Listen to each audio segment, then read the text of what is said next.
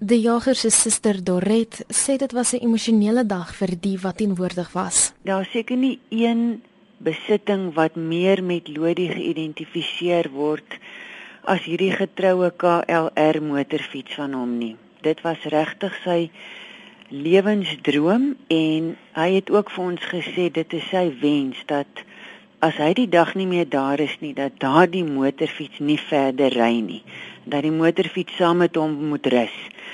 So ons het die motorfiets opgelaai, so dit was so tog in herinnering, jy weet, vir ons almal om saam te ry en die motorfiets so intoe te vat. Shamaine Boswell in haar man John besit die museum. Sy verduidelik waarom die jager juis hierdie motorfiets gekies het vir sy lang reise.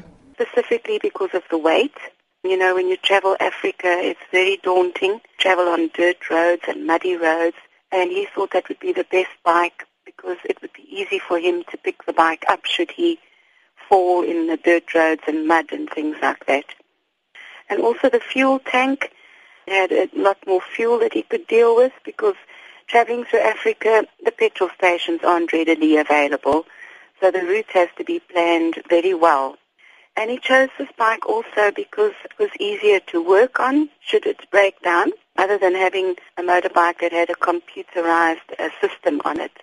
Hy het altyd op sy eie gereis sonder enige ondersteuningsvoertuie en meestal sonder om verblyf vooraf te reël.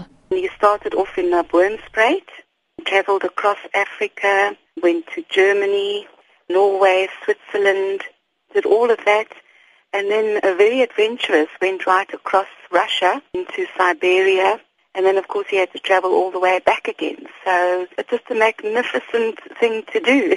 Die jager se suster sê hy het Afrika nooit met vooraf opgestelde idees aangepak nie en altyd na sy reise vertel hoe ongelooflik die kontinent en sy mense is.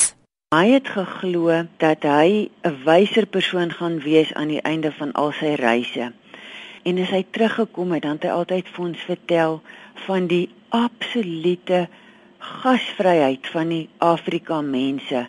Hoe hulle hulle huise oopgemaak het vir hom. Hoe hy saam met hulle in hulle huise of op beddens buitekant hulle huise onder die Afrika sterre geslaap het en hulle kos gedeel het. Hoe hulle met mekaar gepraat het, elkeen in sy eie taal. So ek dink dit is wat ek absoluut van hom sal onthou sy vryheid om te gaan. Hy was nooit bang nie.